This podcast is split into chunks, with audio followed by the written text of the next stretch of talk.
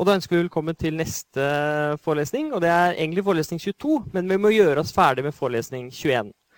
Er det noen spørsmål som vi ikke tok uh, før jeg begynte opptaket? Sånne spørsmål av faglig karakter? Ikke? Da tar vi en veldig rask repetisjon av uh, begrepet isomorfi, og så fortsetter vi og så fortsetter vi med å snakke om vandringer i grafer. Og det er egentlig da det begynner å bli litt mer spennende. Denne definisjonen av isomorfi er viktig, for den forteller oss hva det vil si at to grafer er isomorfe, dvs. Si formlike. Og formlike betyr at de har samme struktur. De kan ha forskjellig innhold. Nodene kan være forskjellige ting. De kan tegnes opp forskjellig.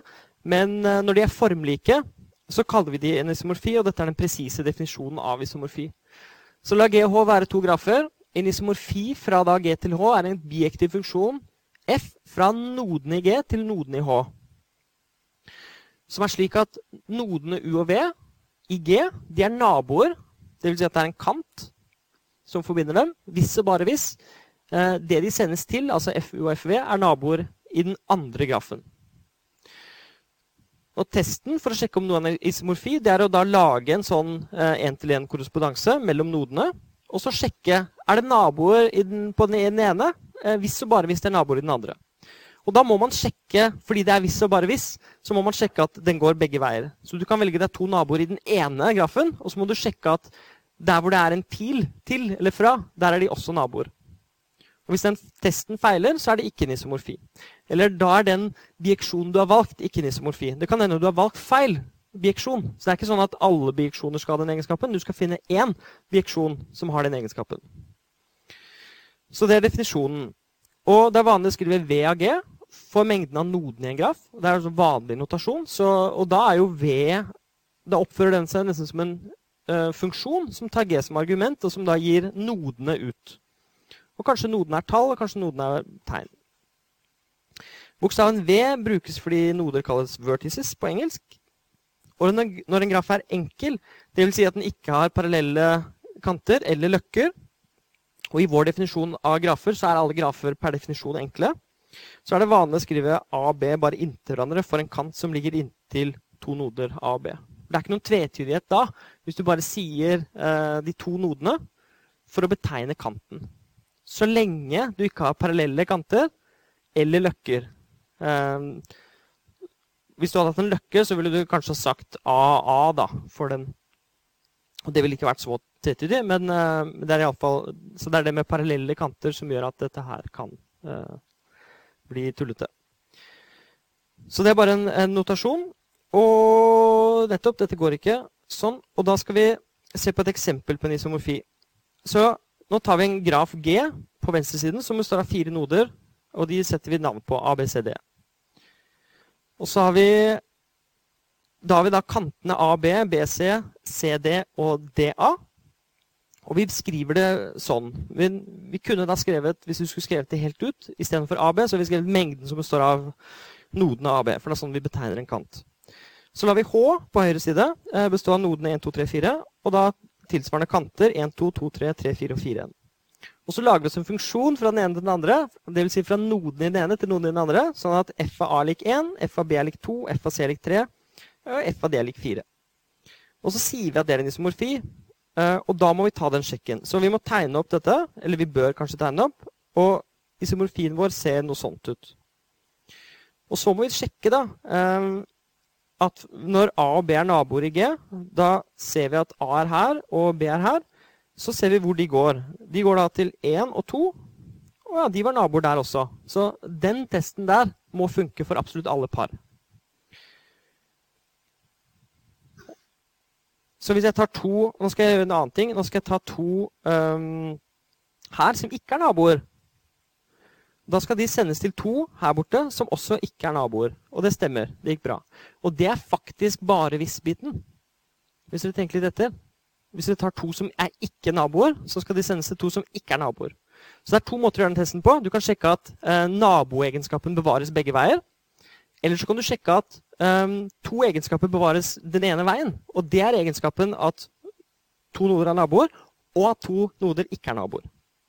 Hvis den egenskapen også bevares når du går fra GTH, så har du også en isomorfi. Så det er to måter å sjekke det på, uh, men det, det blir akkurat det samme, og det er ekvivalent. Ja. Det er sånn vi gjør det. Så er det noen spørsmål til det? Da må vi snakke om litt mer generelt hvordan vi viser at uh, grafer er isomorfe. Så For å vise at to grafer er isomorfe, så må vi da gi en funksjon og argumentere for at funksjonen har de egenskapene som er nødvendige. Og Da kommer selvfølgelig det motsatte spørsmålet. Uh, hva skal vi gjøre for å vise at to grafer ikke er isomorfe? Vel, da er det tilstrekkelig å finne en grafteoretisk egenskap som kun den ene av grafene har. Fordi det at de er formlike, betyr at hvis du finner en såkalt grafteoretisk egenskap som den ene har, så vil den andre også ha det, og vice versa. Så hva, hva, mener vi egentlig med en sånn grafteoretisk egenskap? Vel, eh, Det er en egenskap som bevares under lovlige transformasjoner, som å flytte rundt på nodene, gjøre kantene lengre, kortere etc. Så det er en veldig generell beskrivelse av en grafteoretisk egenskap. Um, men det er de som også bevares uh, under isomorfien. Så noen eksempler på sånne grafteoretiske egenskaper som jeg tenker på, det er f.eks. hvor mange noder en graf har. Det er noe som ikke endrer seg hvis du bare flytter rundt på dem. Hvor mange kanter den har, det er også noe som endrer seg. Eh, og hvor mange noder av en bestemt grad eh, en graf har. Så hvis, hvis en, en, eh, en, graf har to noder av grad to, så veit du det at den andre også må ha det hvis det skal være en isomorfi mellom dem. Hvis ikke så er de ikke isomorfe, og da kan du finne et moteksempel. Så det er en måte å argumentere for at noe ikke er isomorft på. La oss se på noen eksempler. Um, dette er jo et veldig enkelt eksempel, men her har vi to grafer. Og så lurer vi på om de er uh, isomorfe eller ikke. Og da kan man jo si at den ene er fire og den andre er tre, så det går ikke. Men jeg syns det er ålreit å prøve. Um, og hvis du sender A til 1, B til 2 og C til 3, da sitter du igjen med problemet hva du skal sende D til. Fordi kravet er at det skal være en bieksjon. Og uansett hva vi sender D til, vi må ta et valg fordi det skal være en funksjon. Hvis vi sender det til 1, 2 eller 3, så har vi mistet egenskapen injektiv, og da er det ikke lenger en bieksjon. Så det er ikke lov. Så bieksjonskravet ligger der og styrer alt sammen. Og på samme måte, hvis vi snur om på det Hvis vi nå skal se om det er en isomorfi andre veien, da sender vi A til 1, B til 2 og C til 3.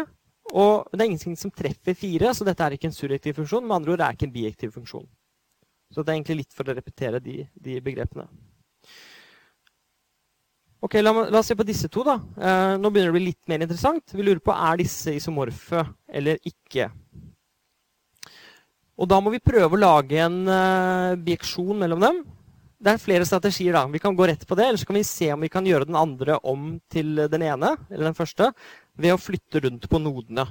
Se for oss at dette er fire Ehm, ting. Og det er festet gummistrikker mellom de fire tingene. Så flytter vi rundt på de fire tingene, og så ser vi hvor gummistrikkene flytter seg. Uten å da dele opp gummistrikkene, dele opp uh, tingene, eller, eller, slå de sammen, eller jukse på noen som helst måte. Og til slutt så ser vi at uh, dette bør være mulig. Det er noen andre ting vi kan observere også. fordi her er det to noder av grad 2. Og det er det her borte også. Ser dere det? Og her er det to noder av grad 3. Ja, det er det her også. Og da er det helt nødvendig at vi sender eh, en sånn node med grad 3 til en annen node med grad 3. Hvis ikke så klarer du å finne et moteksempel eh, på, for akkurat den funksjonen du velger deg. Så nå sender jeg da A til 1, eh, og jeg sender B til 2. Og så må jeg sjekke Tok jeg nå to naboer til to naboer? Ja, det gjorde jeg. Så dette her er foreløpig lovende. ikke sant? Fordi A og B er naboer i den ene, sender jeg til 1 og 2, som også er naboer i den andre. Og så sender jeg C til 3. Og nå må jeg sjekke. C var jo nabo med både um, A og B. Sender jeg da den til noe som er nabo med både 1 og 2? Ja, det gjør jeg. Så dette går fint. Og så ser det ut som da det skal sendes til 4. Det er den eneste muligheten vi har. Og så kan vi gå gjennom og sjekke at absolutt alt stemmer. Og det gjør det. Hvis jeg tar to naboer i den ene, så får jeg også to naboer i den andre. Og vi ser faktisk at de to røde i begge grafene de som har rød sirkel rundt seg, ikke er naboer. Og det er de ikke noen av dem. Så vi ser at alt, alt matcher. Og derfor er de isomorfe. Det er sikkert flere av dere som så det at man kunne ta den ene og gjøre om til den andre. Um, og Det fins et begrep som heter planær graf. Uh, og Det betyr at ingen linjer krysser hverandre. Ingen kanter krysser hverandre i tegningen. Uh, noen grafer kan tegnes planært, sånn som denne grafen her. Kan tegnes uten at linjene krysser hverandre. Eh, noen grafer kan ikke tegnes eh, planært. Det Dvs. Si, uansett hvordan du vender og vrir på det, så er det noen linjer som krysses.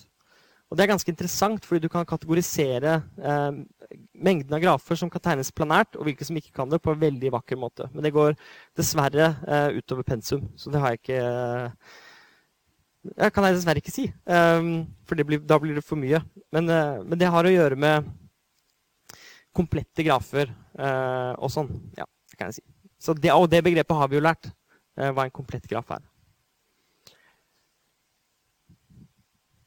Og det var det. Eh, det avslutter egentlig kapittel 21. Og da hopper vi til kapittel 22, hvis ikke det er noen som lurer på noe om dette. Så dette var altså grafisomorfier. Da hopper vi over til eh, kapittel 22. Og nå skal vi begynne å gå rundt i grafene. Så nå er en eller annen graf gitt. Og nå skal vi se på om vi kan fange det begrepet om å vandre i grafen, eller å, eh, å gå turer i grafen, eller å se om vi kan systematisere det på en måte. Så her er overblikket. I dette kapitlet lærer du mer om grafteori, spesielt om forskjellige måter å gå rundt i grafene på. Og det er veldig mange problemer som kan oversettes til nettopp det. Eh, og det er derfor vi snakker om det. Her defineres altså vandringer, stier, kretser, sykler og, og, og, og, trær. Eh, og de første ordene der de handler om forskjellige måter å gå rundt i grafer på. Forskjellige egenskaper de har. Og via alle disse begrepene så lærer vi mer om grunnleggende egenskaper grafer kan ha.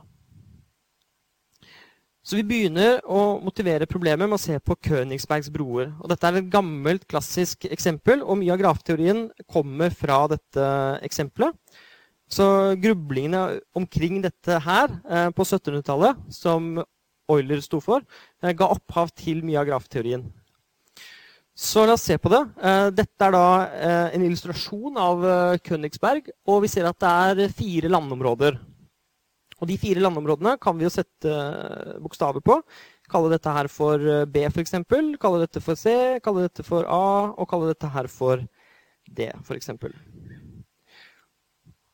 Og nå skal vi oversette dette til et grafteoretisk problem. Men det spørsmålet gjaldt, det var eh, Går det an å gå en tur i denne byen sånn at du går over alle broene nøyaktig én gang?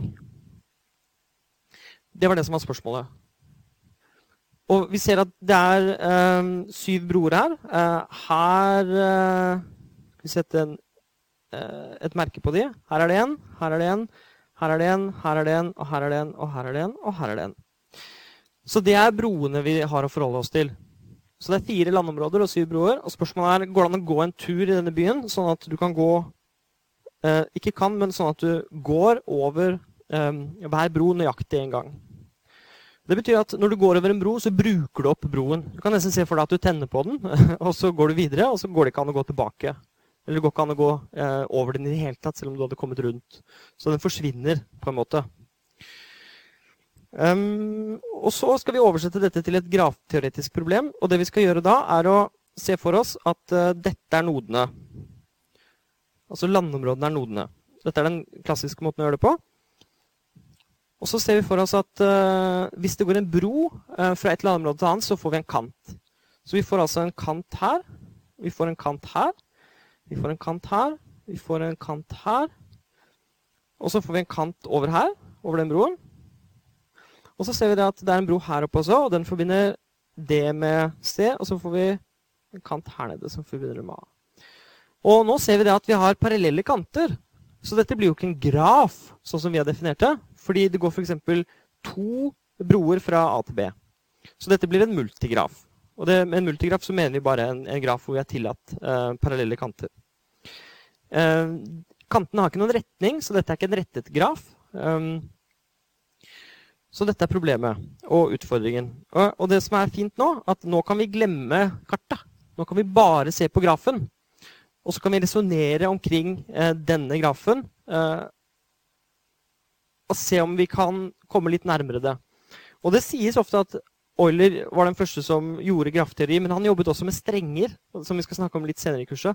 Så han representerte dette på en måte som er ekvivalent med en graf, men det han egentlig jobbet med, var faktisk strenger. Og det er litt interessant for dere informatikere, fordi um, um, det er to perspektiver på det samme. Vi kan tegne opp som en graf, men det han egentlig faktisk gjorde på papiret, var å jobbe med strenger. Ok, så Spørsmålet er nå er det mulig å gå over alle kantene i denne grafen uh, nøyaktig en gang. Og da, for å svare på det, så må vi presisere 'gå over', og hva det vil si å gå i en graf. Så nå skal vi gjøre det, og vi skal ikke løse dette problemet nå. Vi skal komme tilbake til det. Um, og vi skal løse det senere, men vi skal se at den egenskapen vi er, vi er ute etter, kalles å lage en Euler-vei. Uh, og den kalles da det, uh, oppkalt etter Euler. Så la oss gå i gang. Hva betyr det å gå over kantene i en graf? Hva er, hva er meningen i det? Og da skal vi snakke om stier og kretser først. Eh, så stier er egentlig det første begrepet eh, som vi skal komme til. Men vi skal nå snakke om Vi skal begynne helt fritt. Det vil si at det ikke er noen krav i det hele tatt. Og det kaller vi en vandring. Så vi skal begynne med vandringer, og så skal vi snakke om uh, hvilke vandringer som så er stier. Så eh, her kommer definisjonen av vandringer og stier. Så en, en, vandring på engelsk er det en walk, eller en tur, av lengde n i en graf. Det er en sekvens av noder og kanter på denne formen her. Og det er det. Så hvis vi setter opp uh, at v-ene er nodene og ene er kantene, og så ser dere at det er annenhver gang. Og så begynner vi med en eller annen V0, som representerer eh, en node. Og så kommer E1, som er en eller annen kant, og så V1, som er en node igjen. Og så fortsetter vi sånn. Og kravet er at hver av disse ene eh, skal være en kant som forbinder eh, nodene med hverandre. Så V0 og V1 eh, de er naboer fordi de har en kant E1 som forbinder dem. Så dette er en eller annen, en eller annen sånn situasjon hvor vi har V0 her og V1 her. Og så er det en eller annen kant som forbinder dem, og den kanten har vi nå kalt E1. Så dette er egentlig bare en uh, formalisering, det å gjøre syntaks ut av noe som er en eller annen graf. Og vi kaller da um, denne sekvensen for uh, en vandring. Og det er ingen krav i det hele tatt. Jeg bør da si at hver EI det er en kant da, som forbinder den forrige noden med den neste noden. Så det vil si at I-en her, EI, er den samme som VI-en. Så at E1 eh, er den som uh, går til V1. Og så fortsetter vi bort her til V2, altså node nummer 2, med kant 2. Så fortsetter Vi sånn. Vi bruker V og E fordi vi prøver å være litt engelske. Eller jeg prøver å uh, litt da, vende det til det dere kanskje kommer til å se senere. Dette skal altså gjelde hvor I eh, går fra 1 til 1. Så i-en eh, som vi snakker om akkurat her, den kan være 1, 2, 3, 4, 5, opp til 1. Og når vi har en sånn situasjon, så sier vi at vi har en vandring av lengde n. Og n, det er da eh, antallet kanter i den. Ser dere det? For det første én kant, det er E1, og så er det E2, og så videre opp til EN. Så det er n sånne e-er. Nå er greia det at um, det er ingen krav i det hele tatt på repetisjon av kanter og noder. Fordi ingen krav i det hele tatt. Så hvis dere får en graf med kanter og noder, og så bare velger dere en eller annen node, og så sier vi at den, den noden kaller vi V0. Og så ser jeg hvor kan jeg gå. Og så går du, og så er det ingen krav i det hele tatt. Hver gang du går et sted, så skriver du ned hvor du går. Du skriver opp kanten og noden du kommer til. Og du kan gå frem, og så kan du gå tilbake til der du begynte. Og så kan du gå frem igjen, og så kan du gå frem og tilbake i all evighet. Uh, eller ikke alle jeg vet, faktisk. Du må stoppe etter endelig lenge. Og da får du en, uh, en vandring av lengde n. Okay, så vandring og tur det bruker vi for det som er helt generelt. Og det er et begrep som heter random walk. Uh, en tilfeldig vandring, eller en virrevandring. Eller hva man skal kalle det på norsk. Og det begrepet heter walk fordi du kan jo komme tilbake der du begynte. Du kan gå over kantene flere ganger. Du kan virre rundt. Det er ingen krav i det hele tatt. Så vandringer det er litt sånn. Eh, det er veldig, veldig løst. Det vi skal gjøre nå, er å sette krav på vandringsbegrepet. Og så si at ok, vi er ikke interessert i absolutt alle vandringer. Vi er interessert i sånne hvor du ikke gjentar noder, f.eks., eller ikke gjentar kanter. Og vi er interessert i sånne vandringer hvor du kommer tilbake til der du begynte. Og vi skal nå se på dette, de forskjellige måtene eh, å kategorisere vandringer på. Sette skiller eh, som vi syns er ålreite. Og dette er jo ikke noen sånn absolutte sannheter, men det er ålreite egenskaper ved sånne vandringer som vi skal zoome inn på og se på. Sånne er vi interessert i. Så det er det vi skal gjøre nå. Um, vi sier at denne sekvensen um, og denne vandringen er da fra V0 til V1. Ok? Og så kommer det første kravet som vi skal huske på, og det er at hvis ingen node forekommer mer enn én en gang så Det betyr at du har ikke lov til å gå tilbake til en node eh, som du har gått gjennom. Så kalles den en sti. Hvorfor det? Det er ikke noe ord for. Det er egentlig Nå kommer det ganske mange ord som ligner på hverandre, eh, og så definerer vi dem. Men det er ikke noen spesielle grunner til at det kalles, akkurat det kalles en sti. Men det er konvensjon. Det er den beste grunnen jeg kan gi dere. Så kan dere prøve å forestille at dere er i en skog, og så tenker jeg, hva er egentlig en sti? Og da skal du ikke komme tilbake til uh, det stedet hvor du var. for da, er det, er det, ikke en sti. Ifølge denne definisjonen. Og på engelsk er det, det er en path. Har, og da ser du for deg typisk at du har to noder, og så kan du lage deg en vandring fra den ene noden til den andre, hvor du ikke går gjennom en, en eller annen node to ganger. Og da har du laget en sti fra den ene til den andre. Um, det er sikkert andre måter å motivere den definisjonen på, men det er det vi nå skal kalle en sti. da. Jeg skal nå gi eksempler på dette, på vandringer og stier. Men jeg tar gjerne noen spørsmål før vi som kan, eventuelt kan være oppklarende akkurat nå. Ja?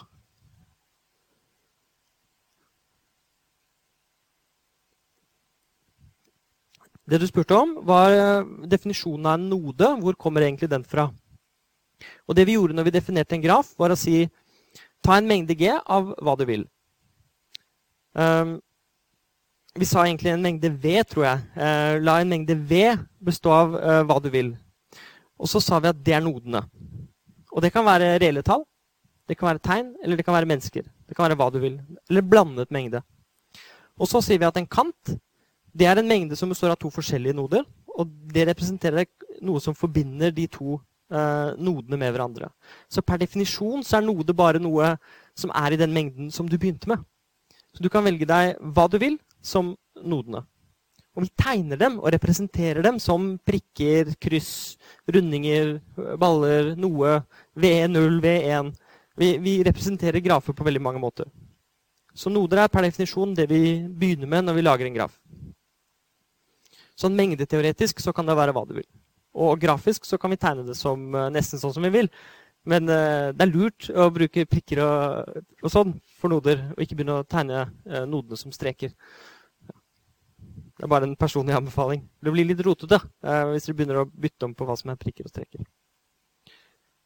Bra. Men da er det noen kommentarer, og det er at um, vandringer kan jo bare beskrives som sekvenser av noder. Gitt at det ikke går flere kanter mellom to noder, så kan jeg velge meg to noder.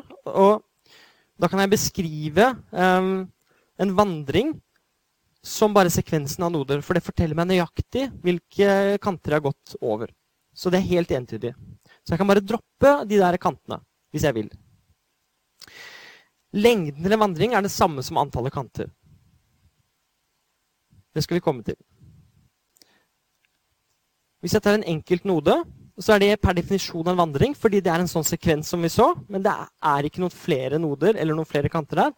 Så det er en vandring av lengde null, fordi det ikke er noen kanter der. Så lengden det er altså antall kanter. Er en enkelt node. Det er bare den enkleste vandringen vi kan få til. Å stå stille. Så må jeg si at terminologien for grafteori varierer. Og hva man kaller det ene og hva man kaller det andre, ehm, det varierer. Så man må sjekke definisjonen. For eksempel så kalles en sti noen ganger en vei um, på norsk. Og da må man vite hva de to forskjellige tingene betyr. Nå skal vi altså bruke begrepet sti om eh, det fenomenet at du ikke gjentar noen noder i en vandring. Um, hvis vi har lyst til å tweake på den definisjonen, så kan vi også bruke dette engelskordet 'trail' for en vandring hvor vi ikke uh, gjentar noen kanter. Altså ingen kanter forekommer mer enn én gang. Bare, det er bare en, nesten en digresjon at ordet 'trail' brukes på engelsk for å snakke om uh, sånne vandringer hvor du ikke går over en kant to ganger. Jeg hadde mye hodebry når jeg skrev boken, for om jeg skulle oversette det til norsk og bruke det, men jeg fant ut at vi trenger det ikke. Jeg skal kommentere på det på de stedene hvor vi faktisk trenger det. Og det er da vi snakker om eh, Oiler-veier. Men det kommer vi til. Så. Nå må vi se på noen eksempler. Hvis ikke så blir vi gærne. Eh, så la oss ta en graf. Jeg mener det. Eh, man må alltid se på eksempler, lage eksempler og visualiseringer på absolutt alt. Det er ingenting som ikke kan visualiseres og tegnes. Og spesielt i grafteori. Eh, så dette er en graf. Eh, nå skal vi lage oss eh, en vandring. Så jeg begynner å gå fra 1 til 2. Og nå har jeg laget meg en enkel vandring. Og den kan jeg beskrive som eh, Jeg kan skrive her 1, 2. Det er en måte å betegne den vandringen på. Og det er en sti, fordi jeg gjentar ingen noder. Den har lengde 1, for det er antallet kanter i den. Og Så kan jeg gå fra 2 til 5. 1, 2, 5, det er en vandring fra 1 til 5. Det er også en sti. Så kan jeg gå til 6. Så nå skriver jeg samtidig eh, hvordan jeg kan eh, beskrive akkurat den eh, vandringen som jeg holder på med å lage. Jeg kan gå fra 6 til 3, og den er lengde 4. Så kan jeg gå fra 3 til 4. Så nå har jeg laget meg en vandring fra 1 til 4. Ok? Så kan jeg begynne på nytt. Um, jeg kan gjøre akkurat det samme inntil jeg kommer hit. Så etter at jeg har gått til fra 6 til 3 så velger jeg å ikke gå til 4, men jeg velger å gå tilbake til 2.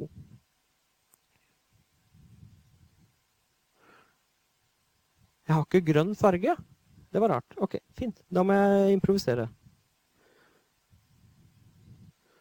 Så nå har vi gått fra 1 til 2 til 5 til 6 til 3. Og nå går jeg fra 3 til 2. Og nå ser vi at jeg gjentar node 2. Med andre ord så har jeg nå en vandring, men dette er ikke en sti. Nå har jeg brutt det kravet, så dette er ikke en sti. Nå kan jeg gå fra 2 til 5. Så kan jeg gå fra 5 til 6. Og nå ser vi at jeg begynner å gjenta kantene også. Fordi 5, 6 er nå både her og her. Så vi kan lese kanten uh, og se at den kanten er der to steder. Så kan jeg gå opp til 3, og så kan jeg gå hjem til fire. Da har jeg laget meg en vandring fra én til fire som ikke er en sti. Så det er det. Jeg tror egentlig det er ganske enkelt å forstå når vi ser det sånn. Så egentlig så nå skal vi laste mer og mer ting eh, inn i minnet vårt. Så nå har, vi, eh, nå har vi grafer på plass, og så har vi definert vandringer, og så har vi definert stier. Nå skal vi bygge på det. Um, og nå skal vi se på de tilfellene hvor vi kommer tilbake til der vi begynte. Um, ja. Og på en eller annen måte lage oss noe som, hvor vi kommer tilbake til den samme noden. Og så skal vi spisse språkbruken vår når det gjelder det. Og da skal vi snakke om kretser og sykler. Så la oss definere det. En vandring hvor den første og den siste noden sammenfaller.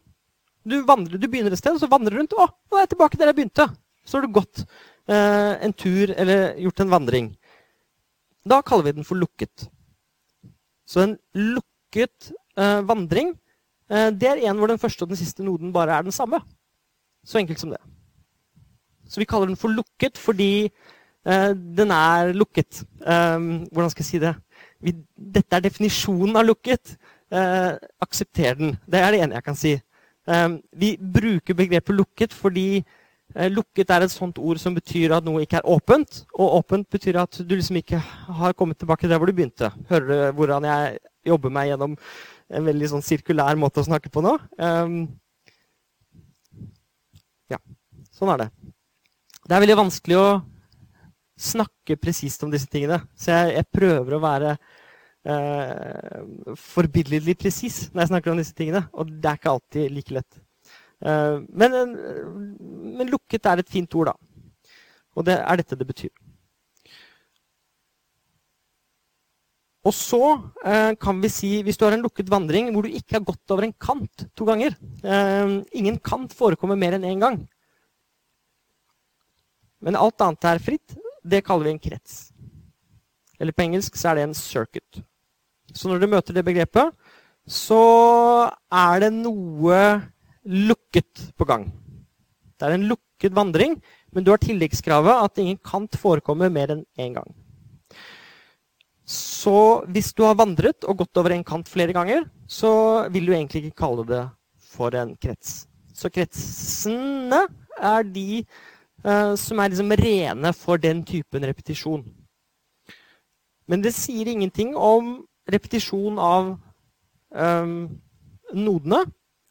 Sånn at hvis vi lager oss et superenkelt eksempel Hvis jeg tegner opp noen, uh, noen noder og så er det noen kanter mellom de. Nå har jeg laget meg en graf, ikke sant? Det kan godt hende at det er noen flere um, kanter der, men la oss si at dette er det, da. Så begynner du uh, å vandre her. Så du lager deg nå en vandring som er sånn. Og foreløpig så har vi både uh, Dette er både en sti, og, men den er ikke lukket. Det er en vandring. Og jeg har ikke gjentatt noen kanter to ganger heller. Det ble litt skeiv. Man må tegne pent, særlig på eksamen. Og det er fordi at noen skal lese det. Um, men så nå går vi innom den noden der en gang til. Uh, og er det greit, eller er det ikke greit? Så spørsmålet mitt til dere nå er dette en eh, krets, eller er det ikke en krets? Dette er en øvelse å lese definisjoner, og definisjonen står der, og grafen er der. Så må vi bare sjekke. Er det sånn at dette er en krets, eller er det ikke en krets? Ja, roper noen, og da blir jeg glad. Fordi kravet er at det skal være en lukket vandring hvor ingen kant forekommer mer enn én en gang. Og det er tilfellet, så jeg har gått innom en node flere ganger, men det er greit. Så dette var jammen meg et eksempel på en krets. Og det jeg skal gjøre nå, eh, det er å snakke om eh, hva om vi har en um, sti hvor vi ikke gjentar noen uh, noder flere ganger. Vi har ikke lov til å gjøre det. Nå skal vi begynne å se på det. Og hvis det faktisk er sånn at du skal begynne å slutte på samme sted, hva kalles det? Um, kan vi snakke om en uh, lukket sti uten videre? Man må tenke litt, da. Fordi en lukket sti vil jo være en eller annen vandring hvor jeg ikke gjentar eh, noen noder, men jeg skal begynne å slutte i samme node. Og det virker så rart. Så hvis jeg tegner opp en graf igjen Det kommer enda flere eksempler. altså. Jeg har, bare, jeg har lyst til å bare gi eksempler samtidig som jeg gjør dette. Dette er en superenkel graf. Og så uh, lager jeg meg uh, en vandring som er sånn. Så går jeg opp dit. Og nå har jeg laget meg noe som ligner på um, Det er en krets for øvrig. Det er en lukket vandring. Det er helt fint. Men den har en egenskap eh, som, jeg, som skiller den litt fra den forrige. Så ingen andre noder blir gjentatt enn den første og den siste. For den jeg hadde i stad, uh, der hadde vi en node som ble virkelig gjentatt to ganger. For vi måtte innom den to ganger for å liksom lage den fine vandringen. Uh, som vi, da var en lukket krets. Men denne her har en ekstra egenskap. Det er ingen andre noder enn den vi begynner å slutte med, som blir gjentatt to ganger. Og dette er det vi har lyst til å kalle en sykkel. Men vi har ikke lyst til å kalle den vi så i stad, for en sykkel, fordi den gjentok noder unødvendig mange ganger. Vi kan se på den vi så i stad, som en, en, en, sammensetning av to sykler, som er sånn som denne. Nå skal vi da definere sykkel som det. Men vi er nødt til å ta et bitte lite forbehold. Og så sier vi det at eh, en sti eh, som har minst tre noder etter hverandre Så vi kan, vi kan, ikke ha bare to, vi må ha tre. Eh, sammen med en siste kant som forbinder den første og den siste med hverandre. Eh, det kalles en lukket sti. Eller en sykkel av lengden. Og den typiske sykelen eh, En sånn supertypiske sykkelen, det er den som bare ser sånn ut. Uh, sånn. Og så vandrer vi dit og dit og dit. Så hvis den heter 1, og den heter 2, og den heter 3, så kan vi godt si at vi begynte i 1, 2, 3. Så den uh, stien der, sammen med den siste kanten som forbinder 3 og 1, uh, eh, det blir en sykkel. Men hvis jeg hadde skrevet sånn, da 1, 2, 3, 1 ah, Det som er så irriterende med det, er at det er ikke en, eh, en sti. fra én til én, fordi du har ikke lov til å repetere noder i stier per definisjon. Så, så det er egentlig eh, Dette er bare i presisjonens navn, så er ikke det der en sti. Så vi sier at eh, ok, da tar du den stien da, som kommer nesten frem. 1, 2, 3. Uh, og så sier du at den stien sammen med den siste kanten, det blir en sykkel. Det er bare for å være konsistent uh, at man gjør det på den måten. Noen vil sikkert si at nå er jeg altfor presis for et førstesmesterkurs, førstesemesterkurs. Uh, men jeg har litt troen på det å øve seg på å se sånne definisjoner som er ordentlige, uh, istedenfor å bare si kretser og sykler Det er samme greiene. Du begynner og slutter samme sted. For jeg kunne sagt det. Um, og dere ville ikke blitt spesielt mye klokere av det, tror jeg. da. Uh, at jeg bare hadde sagt at du begynner å slutte samme sted. Og det kalles noe sånn sykkelgreier. Jeg vil ha det litt mer presist. Bare skru til litt, litt mer presist, så jeg skiller nå mellom en eh, krets og en sykkel. Og skillet står her. Og igjen, bare for å si det, det typiske eksempelet eh, på en krets som ikke er en sykkel, bare for å si det, ser noe sånt ut.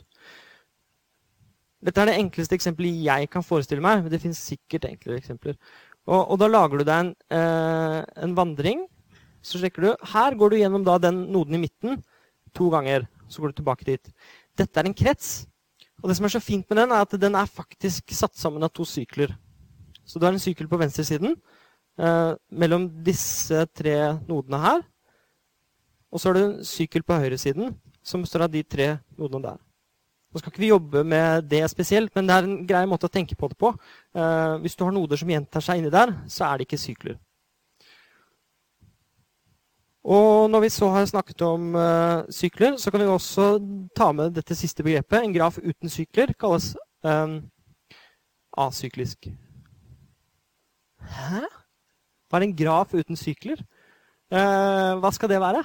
Har ikke alle grafer sykler? Nei. Skal jeg tegne en graf uten sykkel?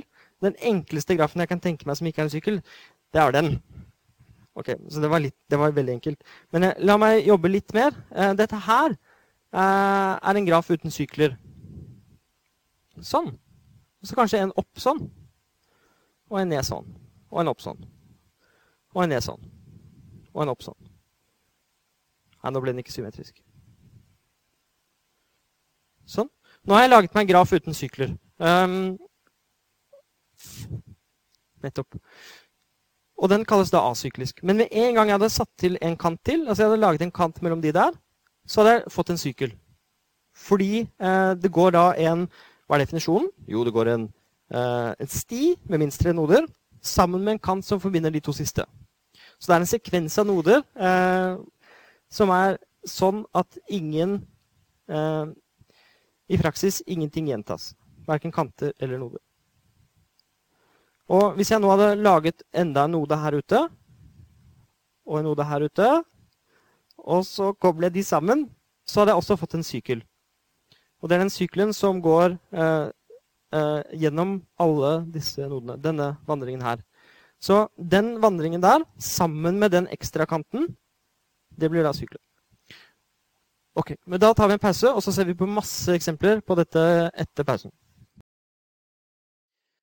Da har vi fått oss en pause, eh, og fortsetter med kretser og sykler her er definisjonene. Eh, nå kommer eksemplene. La oss ta denne grafen. La oss bare mm, vandre litt i den og, se hva som skjer.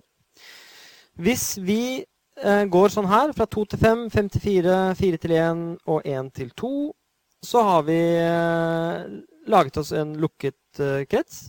Og dette er også en sykkel. Litt avhengig av hvordan man ser på det. Når vi snakker om en lukket krets, så mener vi en, eh, en vandring eh, fra en node hvor vi slutter i den samme noden. Så der forekommer da en node to ganger. Når vi ser på det som en sykkel, eh, så er det egentlig bare de fire nodene som er der. Og så sier du at ok, du har den siste kanten i tillegg. Det er egentlig bare for å være konsistent. Men la oss si at vi fortsetter fra to Sånn at vi har gått fra 2 til 5, 5 til 4, 4 til 1, 1 til 2. Og så går vi fra 2 til 3, 3 til 6, 6 til 5 og 6 til 2. Da har vi laget oss en lukket vandring som ikke er en eh, krets. Uh, fordi her forekommer en kant uh, Går vi over en kant to ganger. Um, og den er ikke en sykkel. Hvis vi går litt annerledes, hvis vi går sånn her uh, Så vi går altså først fra 2 til 4 til 1, og så tilbake til 2. Så er det en sykkel, rett nok. Men vi går ut fra to igjen, da, til tre, til seks og tilbake til to. Da har vi fått en krets. Men ikke en sykkel. Dette her er en typisk sykkel. Sånn. Det er bare for å snakke om jo flere krav vi legger på det, eh, jo strengere vi gjør det, jo mer nærmer vi oss da en sykkel, som er det strengeste. Og kanskje det reneste og peneste også, og det vi faktisk ønsker å snakke om. Har en graf en sykkel, eller har den ikke det? Eh, og det er da det begrepet. Men vi ønsker også i hvert fall ha hørt om de litt mer uh, snille uh, begrepene. Så det er det. Vi skal komme tilbake til disse. En graf kan være sammenhengende, og det er en interessant egenskap som vi skal kjenne til. Så definisjonen av det, at en graf er sammenhengende, er hvis det finnes en sti mellom alle par av noder i grafen. Og nå bruker vi da begrepet sti til å definere sammenhengene. Dette vil si at det er mulig å komme fra enhver node til enhver annen bare ved å følge kantene. Så se for deg at du står inne i en graf, og hvis du kan komme til alle nodene, så er den sammenhengende. Hvis det er en eller annen node du ikke kan komme til fordi det ikke er en kant der, så er den ikke det. Så her er det noen eksempler. Dette er to sammenhengende grafer. Fordi uansett hvor du velger deg, eh, la oss si du velger deg den og den, så er det en måte å komme seg fra den ene til den andre på. Uansett hvilket par du velger deg.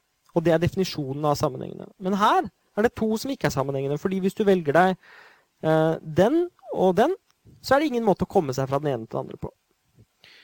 Så det var en veldig enkel definisjon. Veldig grei, for den har vi intuisjon om.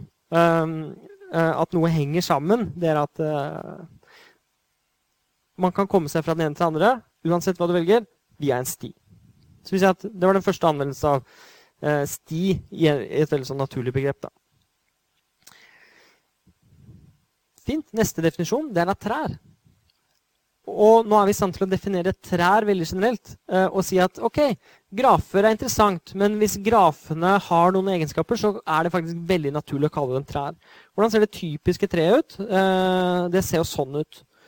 Så kan vi spørre oss, um, gitt at dette her er grafen, hvorfor er den et tre? Hvorfor er det naturlig å kalle den et tre?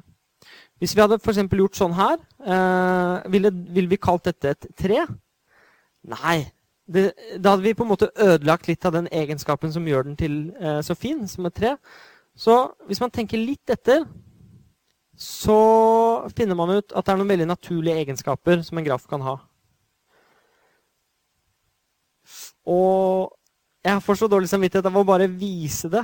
Eh, men det er fordi dette er en fin oppgave å tenke seg frem til selv. Hvordan ville dere ha definert et tre? En måte å gjøre det på er å si at den skal være sammenhengende og asyklisk. That's it. Et tre, eh, sånn som vi har tegnet dem, er faktisk bare eh, grafer uten sykler. Og så er det veldig greit å si at de henger sammen. Fordi hvis noe er et tre Se for dere et tre ute i hagen, og så er det ved siden av Så, så svever det noen grener. Det er ikke et tre. Det er ikke tre. Eh, alt må være koblet til roten i treet på en eller annen måte for at det skal være et tre. Og Derfor så sier vi at det er et sammenhengende tre. Og det med asyklisk er veldig naturlig. Så en node med grad 1 i et tre kalles en løvenode. Sånn definerer vi bare det. Og intuisjonen der eh, burde være ganske tydelig. fordi når en node har grad 1, så betyr det at det går kun én kant eh, til den. Så det er kun én kant som ligger inntil den. Da kaller vi den bare en bladnode. Eller løvnode. Løvnode. Bladnode var noe vi snakket om tidligere. Og så, eh, fordi vi kan, og fordi vi nå eh, er i stand til det, så kan vi si hva en skog er. Og en skog eh, det er en graf hvor alle komponentene er trær.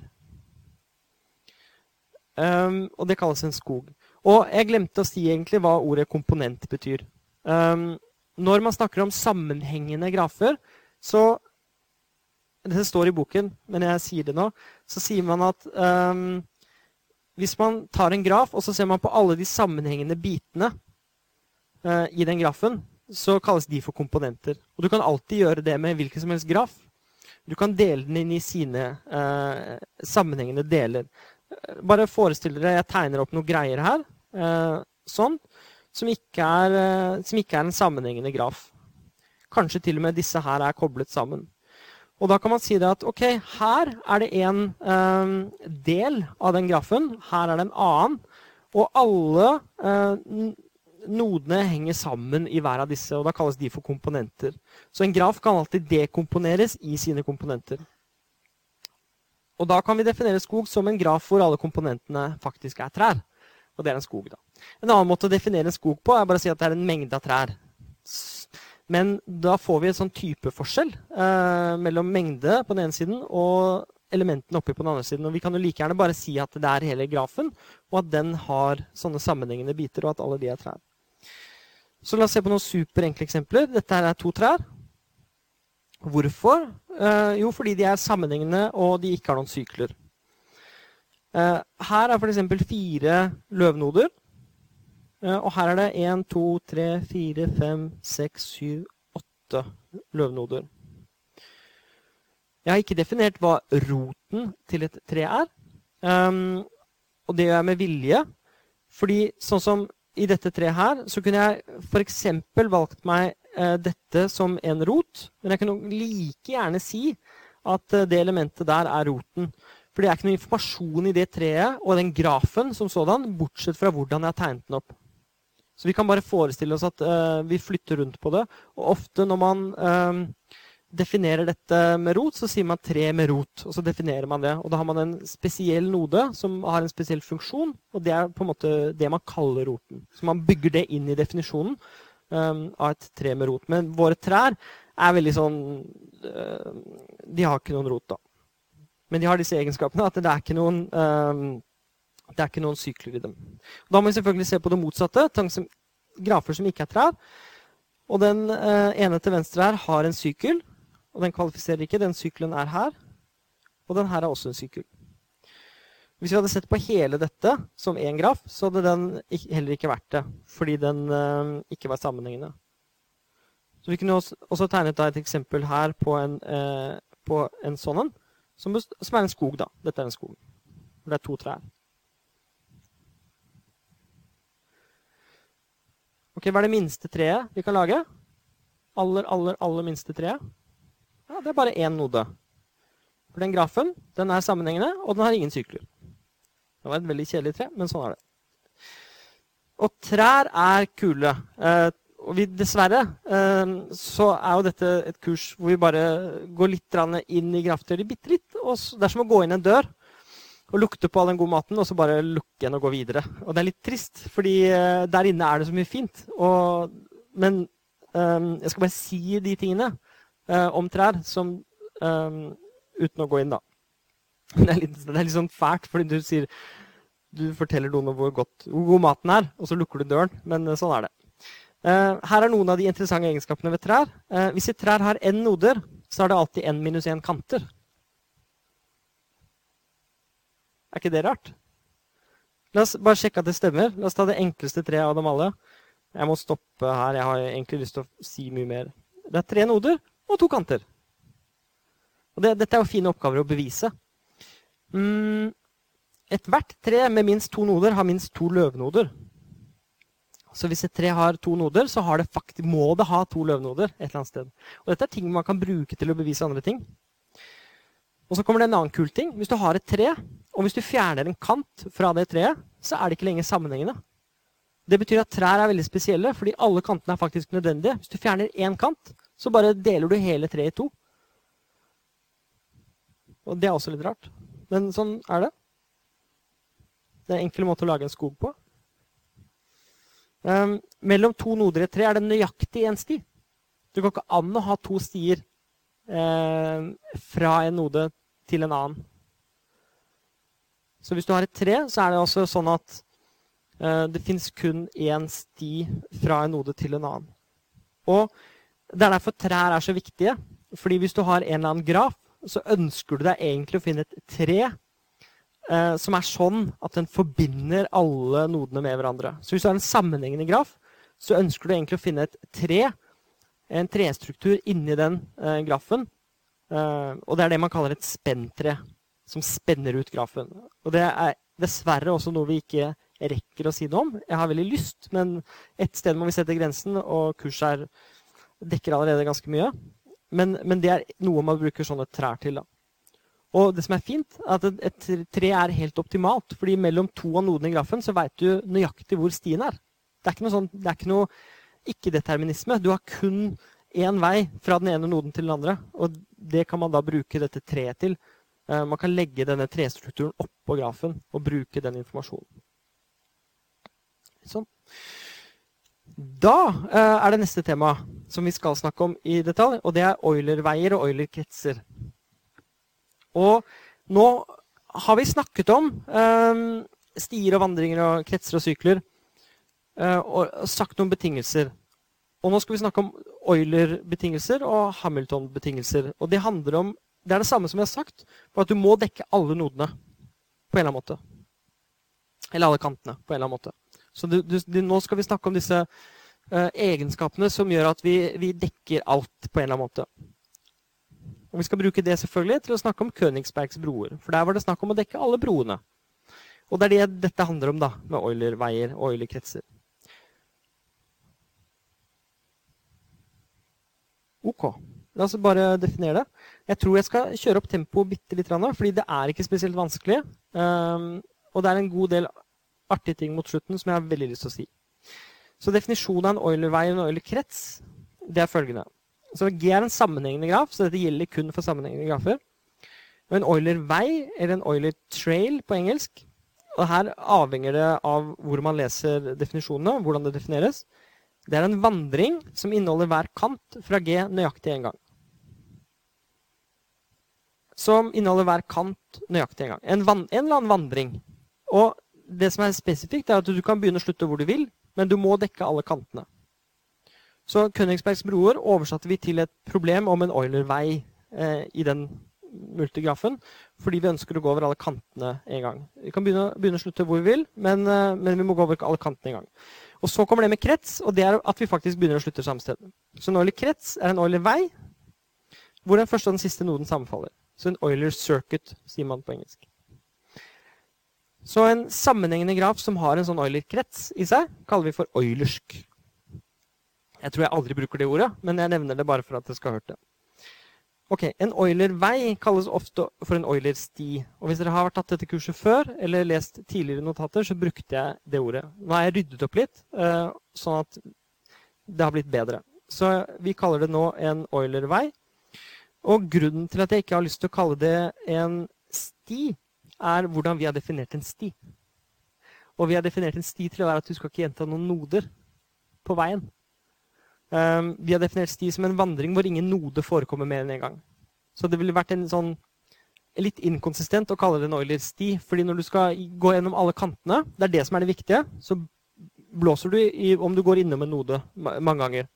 Spesifikt så kan dere ha Königsberg-eksempelet i hodet, for der går du innom landområdene mange ganger.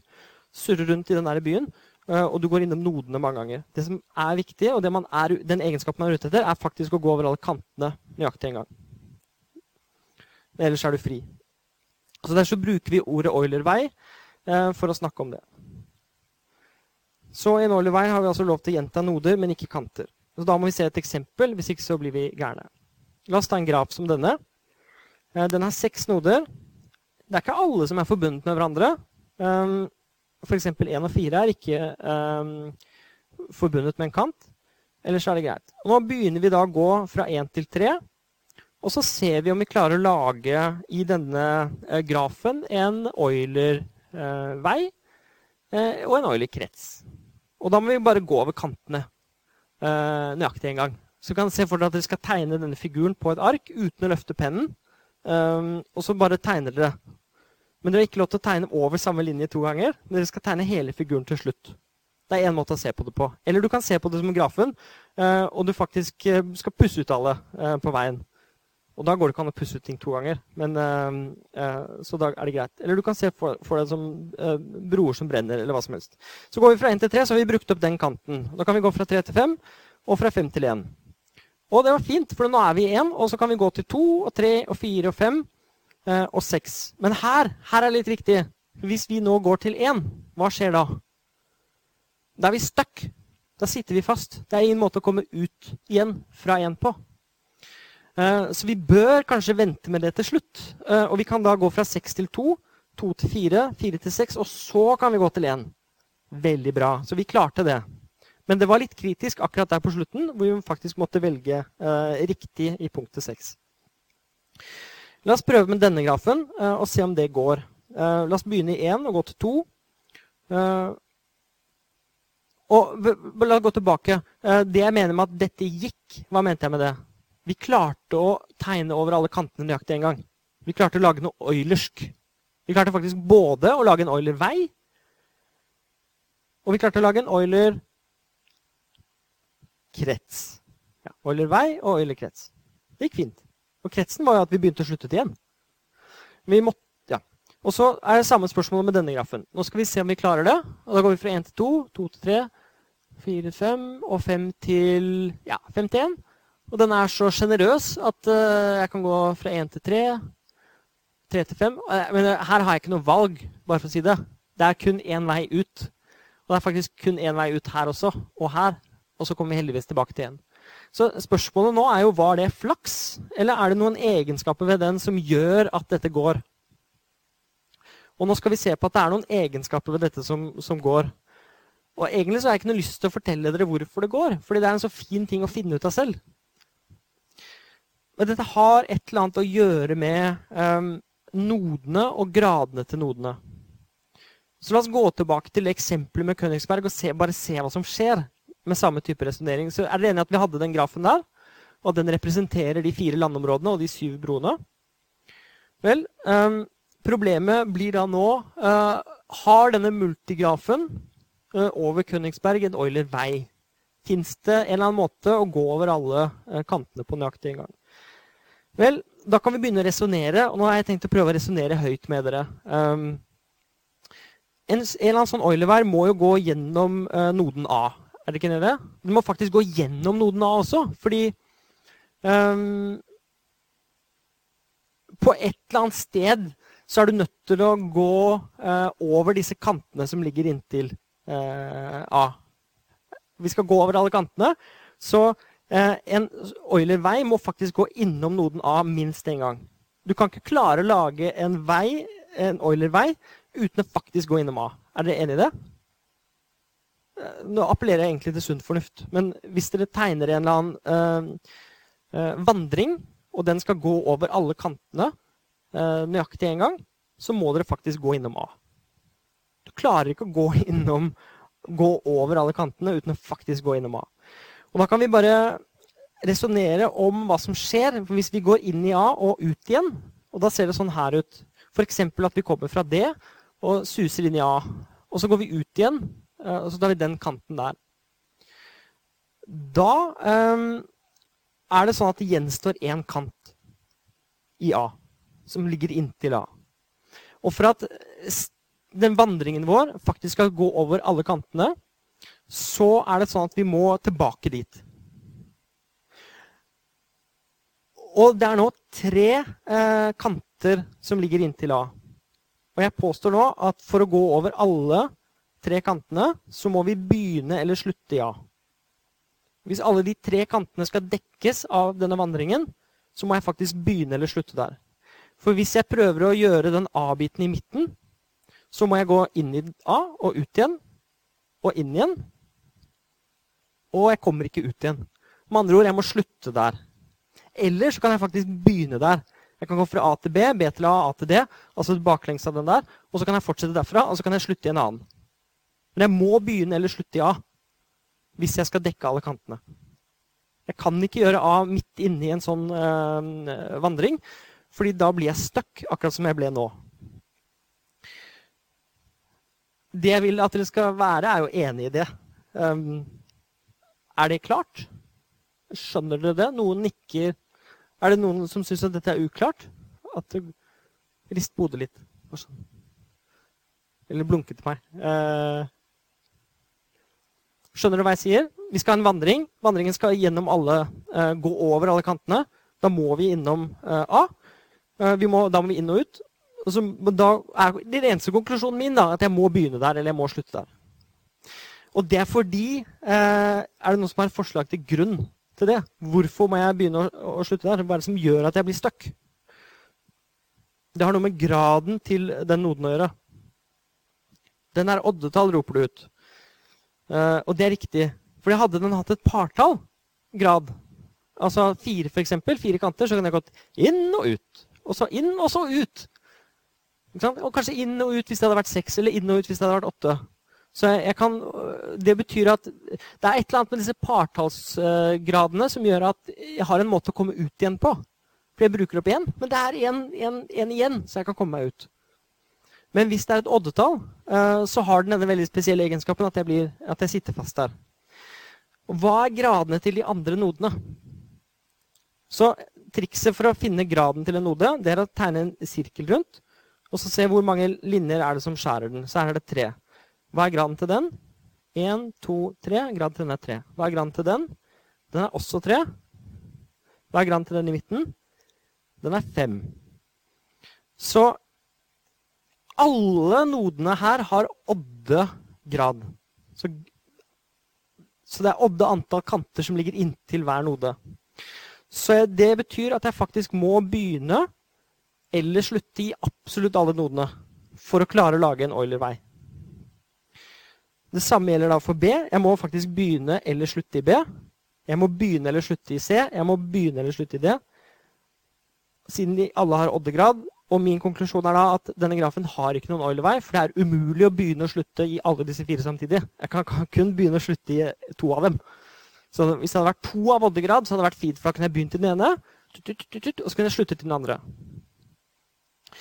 Så det er eh, egentlig sammenhengen. Så argumentet eh, som jeg gjorde nå, er et argument for at det er umulig å gå over alle disse broene nøyaktig én gang, sånn som vi spurte om i begynnelsen. Det går ikke. Og dette har noe med gradene til noden å gjøre. Så nå skal vi snakke om grafer med Euler-Weier-kretser og gradene til nodene. Jeg skal bare si hva som er sammenhengen. Så det er en sammenheng mellom eksistensen av sånne Euler-Weier-kretser og hvorvidt gradene til nodene er partall. Og intuisjonen der er akkurat det jeg sa, om at vi, vi bruker dem opp. Altså kantene. Bare anta at vi har en eller annen graf, og at den har en eller annen Euler-krets. Bare leke med den antakelsen. Anta at vi har en av graf, og så antar vi at den faktisk har en krets. En Euler-krets. Eh, det betyr en, eh, en, vandring som begynner og slutter i samme node, og som dekker hele greia. Eh, og ingen kant forekommer to ganger. Det er definisjonen. Anta at vi har en sånn. Spørsmålet mitt er hva er da gradene til noden i grafen? Ikke overraskende så kommer dette til å ha noe med partall å gjøre, men, men, la oss se om vi kan resonnere oss frem til det. Hva er gradene til nodene i en sånn graf? Og så er det et triks, og det er at vi kan skrive ned en Euler-krets som en sekvens, og den sekvensen er sånn. Uh, hvor den første og den siste noden er lik. Uh, uansett, uh, uansett, hvordan den Euler-kretsen er, så veit vi det at det er en vandring, og en vandring er en sekvens. Uh, som begynner med nodekant, nodekant, nodekant, nodekant, og så tilbake til der vi begynte. Og da spør jeg um, hva er Hvis vi ser på den noden der og Det at den er mellom to kanter, E1 og E2, det forteller meg at graden Hva er graden til V1? Vel, det er minst to. Fordi den har en kant som går uh, ut, og en kant som går ut, til V0 uansett hva det er, og V2 uansett hva det er. Så, så her eh, så ser vi at graden til V1 er minst 2. Men nå er greia det at eh, noden kan forekomme mange ganger i den sekvensen. Så kanskje V1 og, og et eller annet som er her borte, er den samme. Men hver eneste gang noden er med i sekvensen, så legger jeg til to eh, til antallet kanter som er inntil den noden. Så graden til den noden er faktisk lik antallet ganger den forekommer i den sekvensen, ganget med to. Fordi hver gang den er i sekvensen, så plopp, så er det to kanter som jeg kan bruke og legge til. Er dere med på det resonnementet? Dette er jo et matematisk bevis, bare fortalt muntlig. Så greia er, jeg antar at jeg har en krets. Da kan jeg skrive ned um, kretsen som en sekvens. da kan jeg telle gradene til nodene. Og da kan jeg konkludere med at graden til én node i grafen må være to ganger antallet den forekommende sekvensen. Det betyr faktisk at hver node må ha grad som er lik et partall. Så nå har vi sagt noe. Det er at hvis det fins en Euler-krets, så må gradene til nodene være partall. Det er ikke noen annen måte å gjøre det på. Det er faktisk den eneste måten. Hvis du har en Euler-krets, så må gradene til nodene være partall. Det, altså Superenkelt eksempel det er å lage deg en, en graf som dette. Uh, og så si OK, her er det en uh, Euler-krets. Sånn. Euler-krets. Gikk jeg gjennom alle, og gikk gjennom absolutt alle kantene nøyaktig en gang. Begynte å slutte på samme sted. Da har vi Euler-krets. Og vi ser at uh, gradene til nodene alle er partall. 2, 2, 2, 2, 2. Så det stemte. Men det vi faktisk har bevist nå, er at hvis det fins en sånn krets, så, graden, så, er alle gradene partall. Det vi er interessert i, er om det omvendte holder er det faktisk sånn at hvis du har en graf som er sammenhengende, og alle eh, gradene er partall, er det da mulig å finne en Euler-krets? Ja, sier noen. Men er, er, er, hvorfor er det mulig? Um, og er det det? Eller går det an å ha en graf hvor alle gradene er partall, all, absolutt alle gradene er partall, og det ikke fins en Euler-krets? Det er et ganske vanskelig spørsmål. Man skal ikke bare um, trivialisere det. Så spørsmålet er, hvis alle gradene er partall, er det da sånn at det må eksistere nødvendigvis en årekrets? Og det er det. Det er sant, da. Så oppgaven til dere er jo faktisk bevise det. Så, uh, men nå skal jeg si resultatet og konklusjonen, men jeg skal ikke bevise det, for det er deres oppgave. Så hvis G er en sammenhengende graf, da har vi følgende. Hvis graden til alle nodene er partall, da har den en Euler-krets. Ferdig med det. Og nå kommer liksom um, modifikasjonen. Hvis nøyaktig to noder har oddegrad Du har en graf, og nøyaktig to noder har oddegrad. Så inneholder G en Euler-vei fra den ene noden til den andre. Skal jeg lage et superenkelt eksempel på det? For her er det en node med grad 1. Og så skjer det noen greier her inne. Og nå skal jeg sørge for at alle her inne alle eh, nodene har grad som er partall, og så skal jeg slutte her. Har jeg nå klart å lage det? Er dette en graf med den egenskapen som er nå beskrevet i punkt 2? Hva er gradene her? 1 og 1 og 2. Men her er det 3 og 3. Så dette går jo ikke. For her er det fire noder av oddegrad. Så jeg må slutte å tulle. Jeg må, jeg må, lage meg kanskje en liten sånn utvidelse. Sånn. Stemmer det nå? Må sjekke da, må telle. Her er grad 2, her er grad 4, fordi det er fire kanter ut. Her er det 4. Nå har vi en sånn graf som er beskrevet i punkt 2. Så hvis løftet der holder, så må det nå finnes en Euler-vei fra den ene noden til den andre. Og da må vi prøve å finne den. Og da, må, da, står det at jeg må faktisk begynne Eller det står ikke, gjør det det? Nei, det, det står mellom linjene. At da må jeg faktisk begynne her borte. Og så går jeg fra én til to. Hvor skal jeg gå nå? Vel, egentlig så kan jeg velge. Um, men jeg kan gå hit, så kan jeg gå ned dit. Og så kan jeg gå til én. Men da er jeg stuck. Og da er det ikke en Euler vei, for jeg skal faktisk gå over alle kantene. Så hvis jeg går nå til én, så er jeg stuck uh, i én og kommer ikke tilbake. Og får aldri muligheten til å gå over alle kantene. Så jeg bør få med meg i hvert fall den kanten der. Og nå har jeg ikke noe valg. Nå har jeg brukt opp tre av fire uh, kanter der. Og jeg har heldigvis en vei ut, og det er fordi det er partall. Og så har jeg en vei ut her. Og nå har jeg ikke noe valg, og den eneste veien ut går dit. Så dette er en Euler-vei fra den ene noden til den siste. Det går ikke an å lage en Euler-krets. For da må jeg både begynne um, Ja, det, det, går ikke. Um, fordi jeg har noder av oddegrad, så går ikke det. Men det går veldig greit å lage en årlig vei. Og dette er et eksempel på en sånn. Så kommer det siste. da. Hvis G har mer enn to noder av oddegrad, så går det ikke. Da har ikke grafen en årlig vei.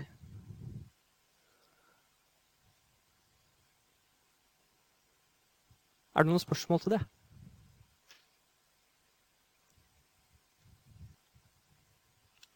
Så da skal vi ha en liten digresjon. Uh, og det er en digresjon som er for fin til å ikke nevnes.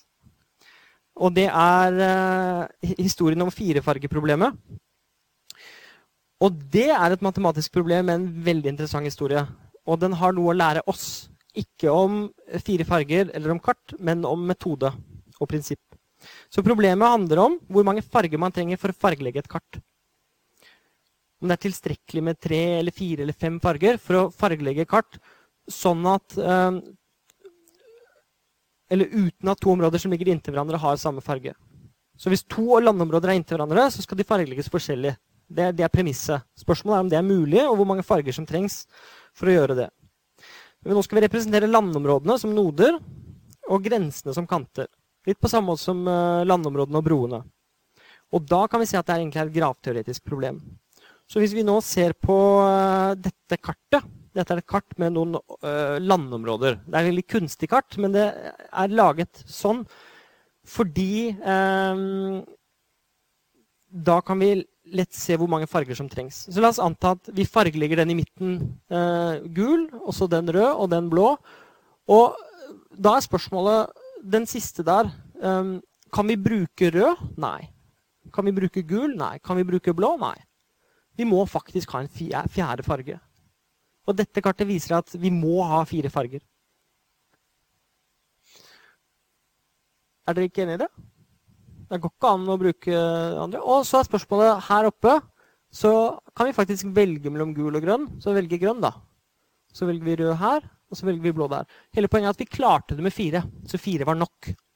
Så dette er et spørsmål om hvor mange farger som er nok. Vi har vist at noen kart som ligner litt på dette, f.eks., må ha fire farger. Så tre farger holder aldri. Fire eh, må vi ha. La oss se på dette kartet. Hvis jeg fargelegger den oransje, og den rød, og den blå, og den grønn, og den gul, så ser vi her at vi må ha fem farger. Eller? Eller tuller jeg nå? Ja? Nettopp. Du? For her, gjorde med, her gjorde jeg hele greia med fem farger. Men så sier du at går det ikke an å gjøre det annerledes? Og det har du helt rett i. Så Du sa at jeg skulle bytte den ut med blå, og det er akkurat det jeg gjør. Men jeg prøver å være enda smartere, så gjenbruke rød. For akkurat her så kan jeg gjenbruke rød, fordi det grenser jo ikke til rød. Og her kan jeg gjenbruke blå. Um, så her, um, akkurat her, så må jeg faktisk, uh, gitt at jeg velger gul her oppe, som jeg må hvis jeg prøver å gjenbruke så mye som mulig. Og så skal jeg lage en farge her, så her må jeg ha en fjerde farge. Jeg kan ikke bruke gul, ikke blå, ikke rød. Her må jeg ha en fjerde farge. Men hvis jeg fortsetter sånn, så ser jeg faktisk at jeg klarer det. Og det er poenget. Jeg klarer faktisk å gjøre eh, dette kartet uh, fargelagt med fire forskjellige farger. Og dette er et veldig interessant problem som egentlig kommer fra 1852. En som het Guthrie. Og så kom det et bevis i 1879. Et bevis som alle trodde på eh, i 1879. Og så tok det elleve år, og så fant man en feil. Eh, og det jeg mener med et bevis, er et bevis for at fire farger er tilstrekkelig. For det er det man lurte på. Uh, Fins det et kart som krever fem farger, eller går det alltid an med fire? Det er det som er det matematiske spørsmålet. Og, og, I 1879 så fant han da et bevis, men det funket ikke. Ikke et ekte bevis, men man fant en feil. Og det tok helt til uh, 1976 Altså eh, nesten 100 år senere at man kom på et bevis. Og de heter Appel og Haken. Detaljene står i boken.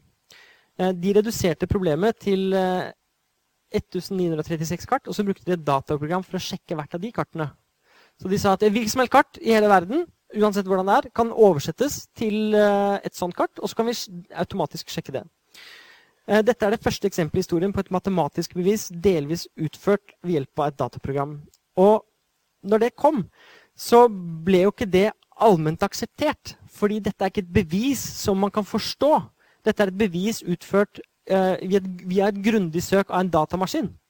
Og hva i alle dager er det? Hvem uh, skal sjekke det? Går det an å sjekke det? Dette var tusenvis av linjer med kode, ikke sant? som igjen uh, laget titusenvis av linjer med resultater. Eh, så hvordan i alle dager skulle man ha tillit til det? Man måtte ha tillit til de som uh, lagde programmene. Og de dokumenterte selvfølgelig hva de hadde gjort. Uh, men det var allikevel denne tvilen. Er dette virkelig et bevis? Skal vi la dette telle som et bevis? Og er det virkelig sant? Har de faktisk bevist det, eller har de bare tulla, de også?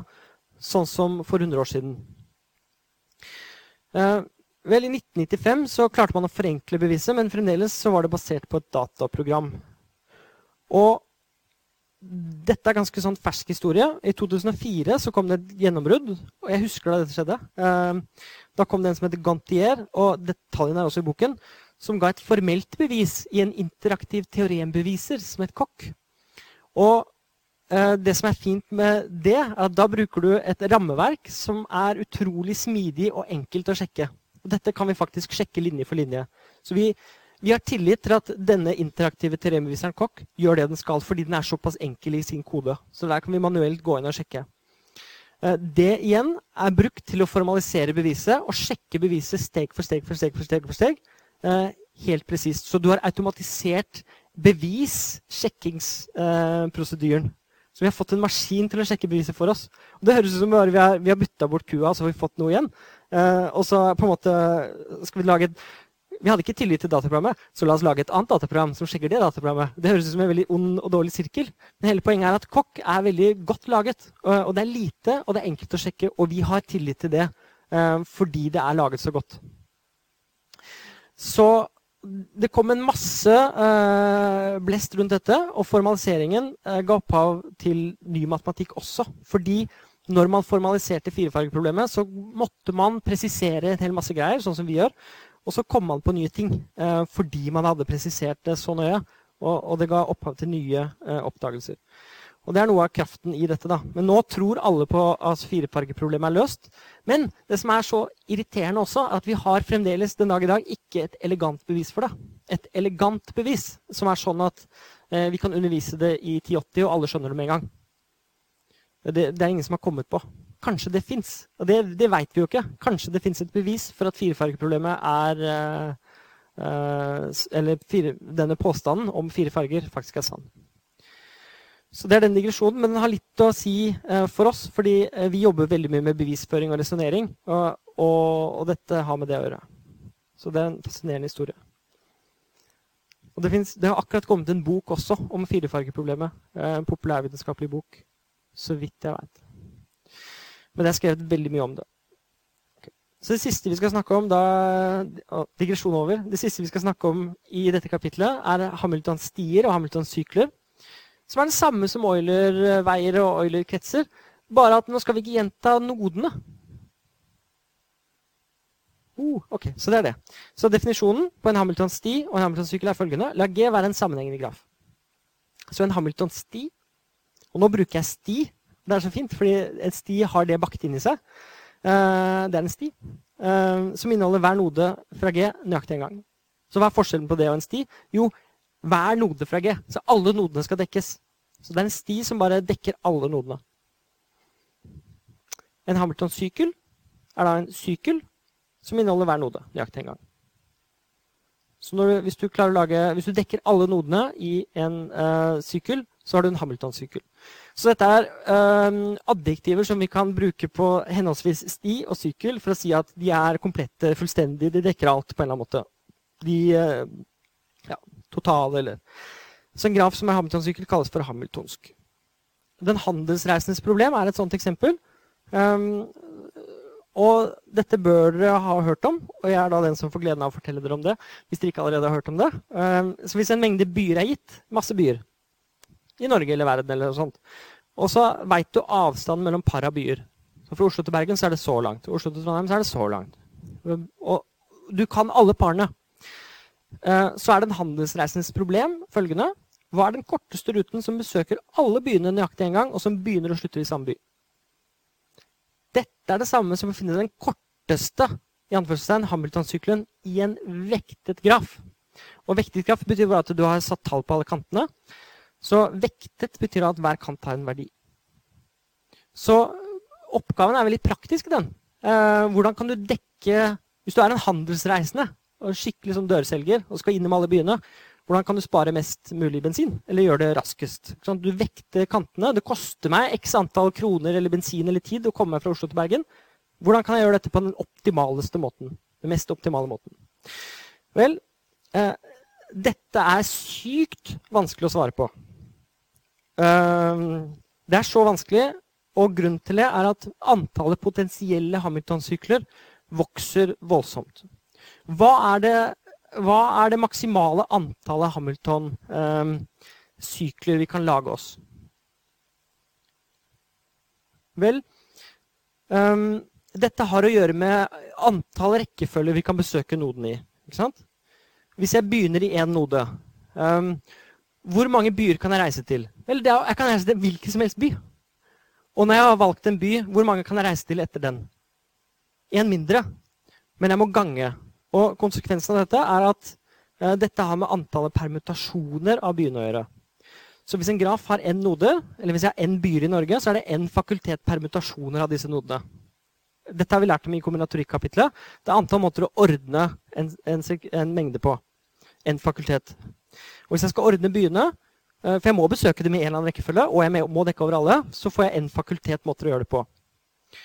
Vel, én en fakultet høres veldig harmløst ut, men se nå. Um, anta at vi sjekker 1 milliard per sekund. Og det jeg mener med sjekker, er at vi skal sjekke om denne ruten som vi har valgt oss, er under en bestemt lengde. Den koster liksom mindre enn noe vi har bestemt oss for. Kanskje vi har bestemt oss for 100 000 kroner som grense. Vi skal sjekke om da denne øh, sykelen vi har valgt, om den koster mindre enn det. Og la oss anta at vi kan sjekke en milliard i sekundet. Og grunnen til at jeg har tatt en milliard, det er at det er en gigahertz. Så kanskje det går, kjører på en eller annen datamaskin som gjør noe en milliard ganger i sekundet. For det er det giga betyr. Vel, det er kjempefint, det. La oss sjekke 20 permutasjoner. La oss si det er 20 byer i Norge, da. Eh, da tar det rundt 77 år på en eh, så rask maskin. 77 år. Det høres jo greit ut. Men det som er så rart, er at hvis du skal sjekke 28 fakultetpermutasjoner Altså, du, Med 28 byer så får du 28 fakultet, måter å stokke dem på. Og med denne hastigheten så tar det hele universets levetid å sjekke alle rutene. Og det er omtrent 14 milliarder år. Så forskjellen på 20 og 28 fakultet Altså forskjellen på 20 fakultet og 28 fakultet, den er enorm. Og vi, er, vi har bare gått opp til 28. Tenk om vi hadde økt det tallet der til 40. Hva, bare tenk dere det. Det hadde blitt et så enormt tall det, at det er ikke mulig å forestille seg engang.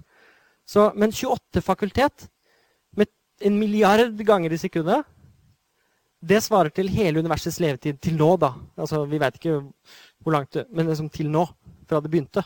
Og det antar vi er 14 milliarder år. Og dette er en av grunnene til at det er veldig, veldig, veldig vanskelig uh, å gjøre dette raskt. Uh, og dette er igjen et av de store uløste problemene. Om helt generelt om det går an å løse problemer av denne typen raskt på en datamaskin. Det har vi ennå ikke funnet svaret på. Uh, og med det så er tiden vår ute.